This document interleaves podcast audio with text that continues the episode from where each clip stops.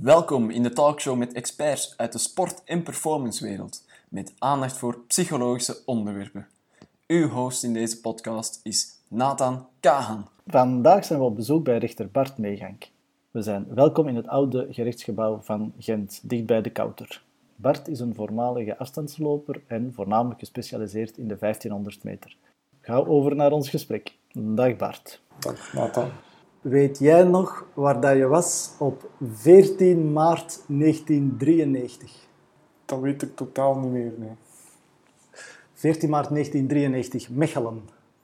Mechelen, Belgisch kampioenschap, korte cross. Ja, Is dat zo lang al geleden? Ja. daar hebben we tegen elkaar Is gelopen. dat juist? Dat wist ik niet meer. Ik was eh dertigste En ik was eerste. en jij hebt gewonnen. ik vond dat wel een mooie wedstrijd. Dat was, Ja, eh, inderdaad. Ja. Je hebt een eh, bijzonder parcours gevolgd, namelijk eh, studies rechten met toch wel eh, topsport. Hoe, hoe heb je dat aangepakt? In mijn studies heb ik dat eigenlijk niet goed aangepakt. Ja. Waar, ik had veel meer die combinatie kunnen maken van lopen en, en studeren, zeker in een stu- studierichting als, als rechten. Waar dat, je toch, dat is ten eerste, en dat zeg ik niet, niet mee in gespot of zo, maar dat is niet de, moe- de moeilijkste richting. Er zijn moeilijke richtingen. En bovendien, de, hetgeen dat je moet studeren en hoe dat je het moet aanpakken, eh, is eh, perfect te combineren eigenlijk met, met eh, enorm goed trainen. En dat heb ik niet goed aangepakt. En dat is natuurlijk in eerste instantie mijn verantwoordelijkheid. Maar ik, ik heb daar toch wel iemand gemist die mij bij het nekvel pakte op dat moment. En die dat ook zei. En ja, in de jeugdreeksen was al wel gebleken dat ik wel serieus wat talent had in lopen. Maar er was niemand die zei, waarom, waarom buit je dat, eh, waarom exploiteer je dat niet meer in je studies? En eh, ik begon dan bijvoorbeeld in, eh, in de zomer nam ik dan een studentenjob aan in plaats van volop op de atletiek toe te leggen. Dus dat is al totaal verkeerd van, je moet met één richting kiezen op dat moment. hè. Dat was dan bijvoorbeeld in Norica. En ja, dat, is al, dat is al volledig verkeerd.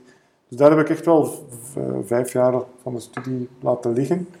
En het is dus na de studies, ik was nog altijd degelijk aan het lopen en ik trainde veel in Aalst, in Mosbroek in Aalst. En dat was eh Ramon van Pamel. En onder andere ook Ramon, je hebt dan ook de, de gebroertjes, eh, de naam ontsnapt me nu, maar eh, het zal me wel te binnen schieten. En we liep, regelmatig met die, met die kerels daar. Ik liep veel samen met Ramon. En ja, hij zag ook dat ik een keer een 1500 deed. En dan had ik het jaar voordien, of dat jaar zelfs, een keer meegedaan aan de 20 kilometer van Brussel. En dat was, dat was heel goed. En Ramon zegt, maar wat doe jij nu feitelijk, zegt hij, van, van discipline? Ik zeg, ik kun een keer een 1500, dan die 20 van Brussel en dan nog wat crossen. Ik zeg, ja, zegt hij, ik, ik weet het eigenlijk zelf ook niet. En dan heb ik me voorgesteld om, om mij te, te willen trainen. En dan datzelfde jaar al, dat hij me begon te trainen, vanaf, vanaf juli is hij me begin trainen. Dus dat was al onmiddellijk al 3,45 dat ik deed op mijn 1500. En het volgende jaar was het 3,40 en we waren vertrokken. Hè. Dus eh, om wat te zeggen, dus die studies, eh, ik geef altijd, eh, voor zover dat ik kan raad geven aan iemand, ben ik een goed tegenvoorbeeld of een voorbeeld van hoe het niet moest. Dus dat zijn ook goede voorbeelden natuurlijk, hè, voorbeelden hoe het niet moet. Ja. En dat je daar kunt veel kansen grijpen, dat geef ik ook mee aan mijn oudste zoon en die, die neemt dat ook ten- ter harte. Ja, en welke kansen heb je dan niet gegrepen, buiten dat je de tijd nuttiger had kunnen besteden? Maar dat vooral, hè. dus Ah, vooral de tijd niet ingenomen. En, en dan automatisch, als je beter traint, ga je beter resultaten hebben, ga je ook veel meer kansen aangeboden krij- krijgen. Hè. En in die periode, dat weet jij ook, eh, Nathan, was het echt wel nodig om, om die kansen door, op basis van de resultaten aangeboden te krijgen. Het is niet zoals nu, dat, er, dat de jonge atleten veel meer kansen krijgen om ten eerste met de ouder mee te lopen en, en ook, er zijn ook veel betere eh, wedstrijden hier nu in, in België, Hmm. die, waar ze kunnen aan deelnemen. En heb je dan je carrière als advocaat, in het begin was je een gewone advocaat, Ja. gecombineerd met, met topsport nog? Of- Ja, toch wel nog. Ja. Ik heb Ja. in de eerste jaren, want ja, advocaat begin je op iets van een 3,24 na gelang dat je afstudeert. Eh, en ja, dat, was in, dat was eigenlijk de, de betere periode van, van de volwassen loopcarrière. Ja. Heb toch nog tot mijn, tot mijn 30 eh, zeer goed tot degelijk gelopen. Ja. Dus, eh, crossen ook en dergelijke. Dus dat heb ik wel nog een periode gecombineerd.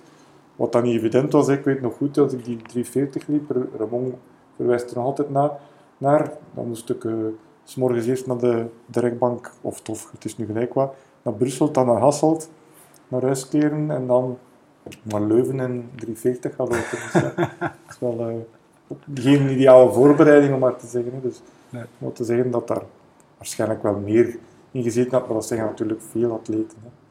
Heb je het gevoel dat je zaken uit je topsport nadien hebt meegenomen naar je werkcarrière? Ja, zeker en vast wel. Ehm, dat, dat, zeg ik al, dat is een beetje een, een cliché van mij dan, van mijn eigen.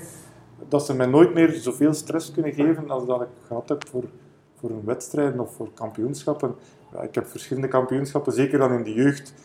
eh, moest ik starten vaak als favoriet.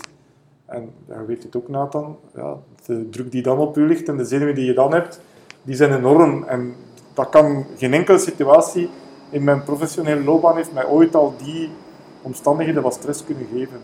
Ik kan me toch voorstellen, hè, nadien, nadien dat ook rechter geworden, dat je het ook geen fouten wil maken en dat dat ook een soort van druk kan meegeven. Zeker, ja, zeker en vast. Ik wil dat niet minimaal, langer niet minimaliseren, dat is niet. Maar dat, dat heeft me wel, ik zal het anders zeggen, dat heeft me daar wel op getraind. En, en voor het leven eigenlijk. Ja, het is altijd zo, als ik toch nog in een stresssituatie kom, denk ik nog vaak aan, aan wedstrijden. Dan denk ik, ja, zo erg kan het nooit zijn.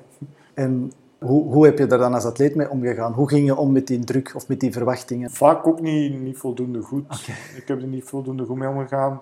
Het heeft me soms ook wel eh, een beetje de das omgedaan. Zo, de, de stress op bepaalde periodes. Er zijn periodes geweest dat eh, vooral, ja, dat hangt dan ook van, van je omgeving af en je, wat als je inprenten. Als je kunnen inprenten van, bij wijze van spreken, jij bent de beste op dat moment, eh, je kunt bij wijze van spreken niet geklopt worden, dan, dan gaat dat goed. En dus dat dat je eigen ook moet, moet kunnen wijsmaken op dat moment. Hè. Ja. Dat is dan niet, natuurlijk niet, niet zo dat je niet, kunt, dat je niet geklopt wordt, effectief. Dat kan natuurlijk. Maar je moet minstens met dat idee vertrekken dat je, dat je de beste bent. Hè. Zijn er zaken gemeenschappelijk, vind je, aan je topsportcarrière en aan je professionele carrière? Dat is moeilijk om te zeggen. eh, de prestatiedruk die Ja. erin zit, maar dat is, dat is op vele domeinen natuurlijk van, van het leven. Hè. Dat, dat is er wel. Ja, bepaalde handjesgedrag, dat is, dat is ook in de sport zeer gekend en dat is bij ons niet minder. Eh, omdat ook wij, eh, zeker in het strafrecht dat ik dus doe, dat is ook wel een, een zeer combatief, veel meer dan andere rechtsvakken, is het, is het toch nog veel de confrontatie, waar dat ook de rechter soms wordt in mee- meegezogen of meegesleept op waar men probeert de rechter mee in te betrekken. En je moet ook wel die vechtende partijen ja, proberen met elkaar te houden of daar een, een, een mooie lijn in te trekken. Hè. Je hebt twee sportieve zonen en Simon heeft ook al uitstekende dingen laten zien ondertussen. Eh, wat voor soort ouder ben je? Ik hoop dat ik niet de, degene ben die hen, die hen de druk oplegt, zoals eh, ja, de cliché van de voetbalvader. En ik denk ook niet dat ik dat ben. Ehm, maar natuurlijk, ja, ze zijn ook alle twee in de atletiek beland. Mats, de jongste, eerst na een, eh, een uitstap lang in de voetbal. Simon ook een beetje in de voetbal, maar die is dan ook toch in, in atletiek getuimeld, ook omdat ze het wel enigszins kunnen. Ja, ik denk dat, dat zij ook wel ergens die... Ze weten ook wat ik, wat ik gepresteerd heb, dus dat dat ook wel bij hun ik zeg een druk oplegt, maar ja, ze zullen, hopen, ze zullen hopen natuurlijk beter te doen dan hun vader en dat hoop ik ook. Voor hen dan vooral. Hè. Ehm, voel, voel, je, voel je geen eh, coachende behoeften of nood? Mm, richting- Ik denk dat ik daar niet echt goed bij voor geschikt ben. En ik denk ook dat mijn zonen zo zijn dat ik voor hen niet de, de goede coachende vader zal zijn. Ik heb een hele, hele goede band met die, met die zonen, zeker en vast.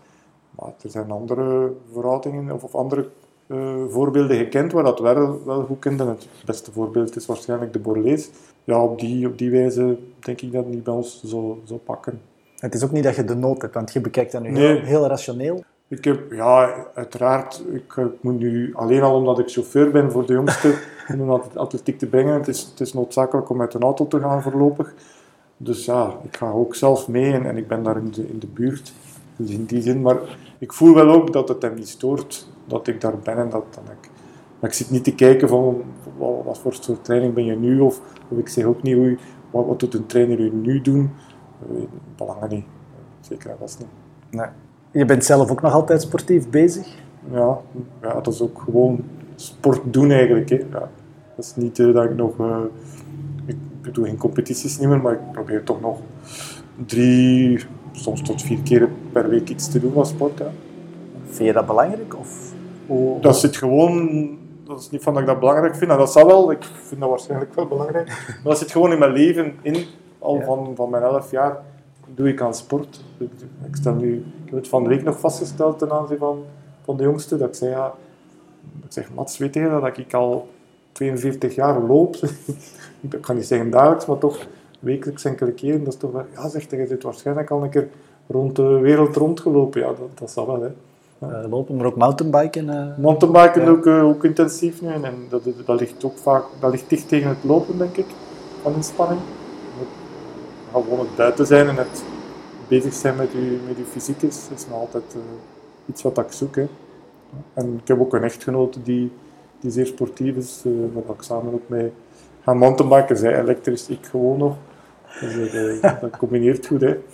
Ja, ik dacht misschien dat je dat ook nodig hebt om eh, de afwisseling met, met je job dan of zo. Of, eh, Zeker en vast, hè, maar het is ook niet, dat is niet zoiets dat ik... eh, dat is geen, geen concept dat ik voor ogen heb. Zo. Dat is gewoon iets dat al... Dat is gewoon een deel van, van mijn leven altijd geweest en ik kan mij dat niet bedenken zonder sport eigenlijk. Ja, je hebt veel mensen die zeggen ik moet eens gaan sporten. Dat heb ik helemaal niet. Ik ga gewoon sporten. ja, Dat is gewoon een deel van mijn leven. Hè. als je een paar dagen niet zou doen, zou je je dan slecht voelen? Ja, maar dat gebeurt wel. Hè, dat ik, als er periodes zijn, bijvoorbeeld als er een, een druk season is, dan, dan, dan kan het zijn dat ik tien dagen geen, niet gelopen heb. En dan, dan verlang je daar wel naar, maar het is niet dat ik zeg, ja, ik, ik heb iets gemist en ik, mijn conditie gaat achteruit gaan. Ik stel trouwens vast dat, dat die basisconditie, dat blijft wel redelijk, dat blijft redelijk goed. Ja, dus Ja. dat, dat helpt wel. Ja. Totaal iets anders. We zijn ongeveer gebouwd 5 miljoen jaar geleden, Plioceen. We leven in middeleeuwse instellingen, maar de technologieën die, eh, die beginnen bijna goddelijke eigenschappen te krijgen. Ons brein daardoor bevindt zich in, eh, in een spreidstand om dat allemaal in evenwicht te proberen eh, houden eigenlijk. Ik merk dat bij mij in de praktijk. Zie jij die struggle en kan je je vinden in die uitspraak? Hoe dat het nu gebaseerd is op die, op die vaststelling, dat weet ik niet. Maar ik zie natuurlijk wel, ja, je ziet die, die struggle, maar misschien krijg ik daar een beetje een misvormd beeld van door, door mijn beroep. Ja, omdat eh, in het strafrecht, als je iets behandelt, is het meestal slecht nieuws. En is het vaak mensen die vanuit eh, ja, een, een ongenoegen, een frustratie, een, eh, een, een, nood, een roep naar, naar hulp, een noodkreet eigenlijk, zaken doen of, of meemaken. Dus eh, ik zie wel veel, veel miserie, om het zo, om het zo te ze- zeggen. Hè. Of dat dan nu te maken heeft met die, die, die spreidstand, zoals dat je noemt, waarschijnlijk wel. Hè. Zit je dan soms oplossingen te bedenken? Ik ben daar wel fatalistisch in. Ik denk dat er weinig oplossingen voor zijn. Ik kan misschien wel bepaalde mensen eh, proberen helpen en, en vele mensen op hun terrein proberen te helpen. Maar een, een, een oplossing, die, dat denk ik, daar ben ik fatalistisch in dat die bestaat. Dat zal altijd zo blijven doorgaan. En, en Ja. de, de geschiedenis leert ook dat het eigenlijk ook nooit anders geweest is, zeker. Hè? Ja. En om dan specifiek naar de instelling te gaan waar dat jij deel van uitmaakt, de, ja, ik weet niet, het rechtssysteem, de rechtbanken. Het, het is toch een aparte wereld, vind ik. Het is zeker en vast een aparte wereld. Ja. Het is ook soms moeilijk uit te leggen wat, dat wij, wat dat wij juist doen. Dan was het maar aan, aan mijn schoonmoeder die niet begrijpt omdat ik altijd thuis zit en die denkt dat ik niet werk. En dat ze binnenkomt en ze zegt, eh, ah, moet je niet werken? Ik zeg, ja, ik ben bezig. Dus dat, dat alleen al. Dus dit is een aparte wereld. Eh, wij, ja, zitten ook niet constant op kantoor of, eh, of, of, er iets, iets te maken of zo. Dus dat is, we maken natuurlijk wel beslissingen in ons hoofd en, dan op papier. En ik begrijp dat dat moeilijk te vatten is voor sommige mensen, maar het is een uitvinding van de mens natuurlijk op zich, de, de rechtspraak en het, het, eh, het gerecht. Maar het bestaat ook al bijna zo lang als, als de mens bestaat. Hè. Dus men, de mens heeft blijkbaar altijd nood gehad om bepaalde betwistingen of bepaalde zaken die zich voordoen te laten berechten of er andere mensen een oog te laten opwerpen en daar een of andere beslissing of oplossing voor te zoeken. Dat is wat dat wij proberen te doen met de, met de beperkte middelen die we hebben. En dan bedoel ik niet zozeer de middelen die we aangereikt krijgen door de overheid, maar ook de middelen die je als mens beperkt Ja. hebt. Hè. Dus je, je Ja. eigen verstand, je ervaring. En denken wat, wat goed is. Hè. En dan valt het mij soms nog wel op dat er nogal lange termijnen zijn. Tussen, Ja, dat is tussen- juist. dat is ook door die beperkte middelen? Of? Dat is natuurlijk wel Ja. voor een deel Ja. door de beperkte middelen die wij, die wij eh, aangereikt krijgen, doordat het, ja, omdat het nog altijd mensenwerk is en, en dat daar niet oneindig veel mensen mee bezig zijn en dat dat ook waarschijnlijk niet kan. Maar het, het is natuurlijk wel eh, een terechte frustratie van veel mensen. Het duurt gewoonweg te lang en het zou ongetwijfeld sneller kunnen. Hè. Ja? Ja, er zijn, er zijn ja, dat op vele fronten kan er, kan er ingezet worden om dat sneller te doen gaan. En dan moeten we ook naar onszelf kijken soms. Hè, bepaalde beslissingen, ik kan niet zeggen sneller kunnen nemen, maar een dossier kan een snellere voortgang kennen. Hè. Dat- Maak je nog deel uit van het eh, Vlaamse sport, hoe dat het nu noemt, tribunaal? Eh, Ik zit in, in verschillende eh echelons of in verschillende Ja. commissies natuurlijk in het sportrecht. Eh, en veel in doping natuurlijk. Hè. In Vla- de Vlaamse dopingrechtspraak eh, zit ik eigenlijk op de, de twee functies van, van voorzitter die, die ik kan niet zeggen die ertoe doen, maar die er zijn. Dat is dus enerzijds de NADO Vlaanderen heeft zijn instantie, dus een overheidsinstantie, dus de zogenaamde breedte sporters die eh, dopingpraktijk begaan. En dan heb je de elite sporters en die zijn voor een grootste deel verzameld in het Vlaamse, vroeger Vlaams Dopingtribunaal, nu Vlaams Sporttribunaal. En daar ben ik ook dus de voorzitter van, van die commissie. Dus eigenlijk de dopingrechtspraak in, in Vlaanderen kan ik zeggen ligt in mijn handen, maar daar ben ik toch de, de voorzitter Ja. van. Ja. Van de zijkant eh, heb ik de indruk dat het wat gekalmeerd is, het dopinggebruik. Eh, Ja, het aantal zaken zeker en vast. Eh, dat dat nu de juiste indicator is, dat weet ik niet, maar dat, dat zal waarschijnlijk wel kunnen. Dat daar een, een zeker besef of bewustzijn is gekomen, of, of dat men, ja, ik kan niet zeggen verstandiger is gaan doping gebruiken, of, of, of men ingezien heeft dat het niet verstandig is om doping te gebruiken. Ja. Dat zal wat de twee zijn natuurlijk. Hè. ja, nu, het zit in de mens, denk ik, om eh, ook eh, vals te spelen. Het zit in de mens niet alleen blijkbaar om een rechtssysteem op poten te stellen, maar ook om, eh, om vals te spelen, Ja. heb ik de indruk. Eh, dat, dat zit in onze natuur. Er is ook een strekking in de performance dat je moet alle middelen gebruiken die dat ter beschikking zijn en een soort van duistere kant die dat we ook hebben, moet je dan ook proberen aan te wenden wanneer dat je op het sportterrein komt om, eh, om zo goed mogelijk te presteren. Hoe was dat bij jou in jouw carrière? Ja, ik was een beetje een softie. veel, veel te. Ik heb het al aangeraakt, een beetje het, eh, het psychologische soms, de stress waar ik soms een keer aan, ten onder ging. Ehm, ja, en ook iets, iets te, ik kan niet zeggen dat ik een vriendelijke ben, maar iets te vriendelijk in, het, eh, in, in de competitie soms wel. Hè. Niet, niet nijdig genoeg. En daar verwijs je misschien naar, hè. Die, die, die nijdigheid, die heb je denk ik wel, wel nodig op een, ja, het is misschien een beetje flats om te zeggen, maar op een positieve wijze die, die nijdigheid kunnen inzetten. En het is toch een beetje iets- anders in het sportieve gebeuren dan, dan dat je dat gebruikt in, het, eh, in, in andere situaties in het leven. Hè. Ik denk, je gebruikt het ook voor, om, om een bepaalde sportieve prestatie te kunnen leveren. Voor jezelf natuurlijk wel. Maar als je daar nog altijd die eerlijkheid toch eh, voor ogen houdt, dan, ja, dan hangt dat af van je karakter, hoe, dat je, hoe dat je dat gebruikt of niet, hè, Ja. denk ik. Ja.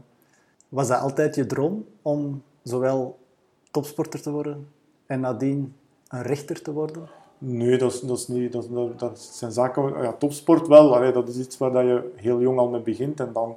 Ja, ik, ben, ik kom uit de periode dat ik opkeek naar Sebastian Coe en, eh, Steve Ovett en Steve Cram en zo. Dat waren de mannen. Ivo van Damme uiteraard, maar dat was nog iets vroeger. eh 76. Eh, en dan natuurlijk, ja, dan is dat een droom, hè, Olympische Spelen en dergelijke. Dat heb ik nooit, nooit gehaald trouwens. Het rechter worden, dat is iets waar je meer in rolt, omdat je rechten is ook een richting waar je meer toevallig in belandt. Ik kan niet zeggen dat dat een negatieve keuze was, maar ook een, ik had een advocaat in mijn, in mijn familie en dat zijn zo richtingen die, eh, die, die snel gekozen worden dan. Ik denk dat ik het nu niet meer zou kiezen. recht. Dus eigenlijk is, dat niet echt mijn grote droom. Maar anderzijds eh, doe ik het heel graag rechter zijn. Zonder dat ik mezelf nu op de borst klop, maar ik denk ook wel dat het... eh, ja, ik kan niet zeggen dat ik ervoor gemaakt ben, maar het is ook iets dat, dat me wel ligt, ik zo zeggen. Dat is wel waarvan ik van mezelf denk, dat het me ligt. Het lijkt me toch wel dat je een sterke rationele kant hebt, ja. Ja, ik, ik eh, probeer, ja, ik probeer vooral naar de essentie te gaan, altijd in, in dossiers. En, en dat, en je mag dat niet laten merken, maar dat ergert wel soms zeker in strafrechtelijke pleidooien of strafrechtelijke procedures, dat mensen allerlei zijwegen inslaan, al of niet bewust. Uh, vaak wel bewust natuurlijk, zeker als het dan de professionelen zijn die dat doen. Wat betreft de mensen zelf, ja, is, dat, is dat ook des mensen om, om allerlei zijwegen in te slaan en, de, en de essentie het toch te verliezen. En, en, dat is een beetje, dat is, vaak zonde, want dat maakt het allemaal nog, nog moeilijker. Als je die zijwegen blijft inslaan, proberen tot de, tot de essentie te komen. Toch een verrassende uitspraak, vind ik, als je zegt van ik zou niet meer dezelfde keuze maken. Ik denk dat ik, uh, wat ik echt nu zou voor kiezen, om te kunnen terugkeren, is uh, voor geneeskunde. Dus voor wat dat mijn zoon nu doet. Ik heb hem daar niet in geduwd hoor. Ja, ik, zie, ik zie dat ook niet aan hem, met wat voor een goesting dat hij dat studeert. Uh, die zit gewoon met plezier te studeren. En ook uh, de job zelf, ja, dan denk ik wel dat ik dat graag gedaan had. Welke specialiteit zou je dan gekozen hebben? Ja, dat is, dat is nu, nu zijn we al echt veel, zeer ver in die hypothese aan het gaan, die niet meer mogelijk is. Ja, hij zelf, ik merk het aan, aan Simon, zit zelf ook, switch nog van één dag op de andere in die specialiteit. Dan is het weer hard, dan is het weer de knieën, dan is het uh, nog iets anders. Dus. Maar psychiater zit er niet... Uh... Dat denk ik dan weer niet, nee, omdat ik dan, ja, jij, zit in die stiel, ja, uh, ja dan, dan voel ik wel weer altijd die, die zijwegen die, die er precies worden ingeslagen. Ik denk dat dat daar toch wel vaak zo is. En dat zal dan met minder liggen. Ik zou het soms op mijn heupen krijgen waarschijnlijk. Ja. Omdat dan ook wel die... Dat dat niet zeggen dat jullie niet belangen nee, dat jullie rationeel zijn, maar ja, dan wijkt toch vaak af van het rationele pad daar. Hè. Ja. Heb je nog een laatste advies voor de luisteraar? Wel, wat als ik dan toch was, stel dat ik tegen jonge, jonge kerels zou praten die, die met sport bezig zijn en die, als ze een bepaald talent hebben dat hoog genoeg is, dat ze weten dat ze kunnen een, een, een hoog niveau bereiken, dat is niet per se wereldtop, maar Europese top of zo, dan zou ik hun de raad geven om, ja, om dat proberen te combineren met studies, of, of als dat niet lukt, om zich daar in eerste instantie op hun sport toe te leggen. Dat is misschien vreemd, hè? Ja. Want er wordt nu altijd gezegd, studies eerst. En dat vond ik in mijn periode, eh, als ouder zou ik dat nu misschien ook zeggen, hè, tegen Simon, ja, je studies toch wel eerst. Maar ik weet wel, in de periode dan dat ik, dat ik voelde dat, dat, uh, dat het een beetje voorbij was, dat ik daar echt wel spijt van had. Dat, uh, dat ik niet toch gekozen had voor een bepaald statuut, die nu, dat nu wel bestond toen nog niet, maar een bepaald statuut met een, een beperkter loon, maar dat je toch volop kunt op die, op die sport toeleggen. Waarom niet? Bewijst toch ook vaak sporters, veel sporters die een bepaald niveau bereikt hebben, slaan dan dient toch ook wel mooie wegen in. Hè? Natuurlijk, die sterkte dat wel in, in zichzelf ook al zitten, in hun karakter. Uh, ja, ik heb genoeg voorbeelden. Hè. We, kennen zelf ook zo in, die, die hoog uh, zitten in het sportgebeuren, onder andere. Maar, uh, Bob? Bob en Christophe en ah, ja, ja, ja, anderen natuurlijk ook. Hè. Ja. Dus ja, ik denk wel dat, dat je toch die... Dat, dat is een advies dat ik zou geven, van ga daar toch maar voor, voor die, voor die sport. Zelfs al is dat niet direct de meest financieel goede keuze. Mooi, dat is een verrassend advies, vind ik. Voel ik daar dan uit dat je toch ergens een deel onontwikkeld hebt gelaten? In... Ja, maar dat zeggen, ik, ik, ik heb daar straks gezegd, ja. veel sporten zeggen natuurlijk, maar ik ben er wel van, in mijn geval, daar een beetje van overtuigd, omdat ik zie wel van het talent dat ik in de jeugd had en dat ik dat toch kunnen met die beperkte werkwijze daar met, gecombineerd met, met het werk, dus met de advocaat zijn, dat ik toch nog resultaten behaald heb, ja, dan denk ik wel dat een, een Europese subtop of een Europese top misschien wel mogelijk zou geweest zijn. En, en daar zit een zekere... Dus vroeger is dat een frustratie over geweest, maar die, die is nu volledig weg. Ja, er is totaal geen frustratie meer. Maar je hebt het ook meegemaakt, hè, natuurlijk. Je hebt ook kunnen proeven van veel meer nog dan ik. Hè. Ja, maar ik had inderdaad wel die, zoals dat je het er vertelde eigenlijk, ik had echt wel zo van, ik ben nu jong, ik heb nu sterke, een sterk lichaam, ik moet het nu waarmaken. Ja, en, en wat er daarna dan komt, dat zien we dan wel. Ja, wel, dat, is, de goede, dat is de goede houding. Ik heb daar niet over nagedacht. Ik bedoel, de, het, het, was gewoon zo. Ja, maar, dat is dan teken dat jij daarop, dat jij daarop klaar voor was en dat je daar ook sterk in was. Maar dan die twijfelaars of degenen die... Dat, dat is ook een beetje het probleem, zo degenen die veel competenties hebben, of op verschillende vlakken competenties hebben, ja, dan die, die keuze moeten maken. Hè. En dan keuzes maken is, is moeilijk natuurlijk. Dat is eigenlijk het moeilijkste in het leven. Ja. eh, Ja. Een van de moeilijkste zaken. Eh, ja, daar dan, als ze daar ergens advies kunnen krijgen van iemand die, die het anders gedaan heeft, ja, dat is dan wat ik wil meegeven eigenlijk. Hè. Maar dus die rol zelf heb je nooit opgenomen dan nadien naar, naar jongeren toe? Nee, niet ten aanzien van andere jongeren. Natuurlijk wel. In, in, niet, niet, niet geofficialiseerd. Natuurlijk in gesprekken wel. Of met, met ouders, of als er discussies zijn met ouders daarover. Dan heb ik dat wel gedaan. En ten aanzien van, van Simon zeg ik dat ook wel. Maar ja, die is nu dat pad van zijn studies goed aan het volgen. Maar is ook, anderzijds kiest hij ook dat pad van, van de sport daar- daarbij. hè. Hoe slaagt hij erin om dat te combineren? Want dat moet toch echt wel... Ja, Moeilijk zijn. eh, op dit moment doet hij, is, is, sport en, zijn studie doet hij, maar eh, hij heeft ook geleerd dat je, en dus daar dat hij ook naar op zoek was, dat je in die sport ook je, vrienden, je maten moet zoeken. En dan, dat helpt natuurlijk heel veel.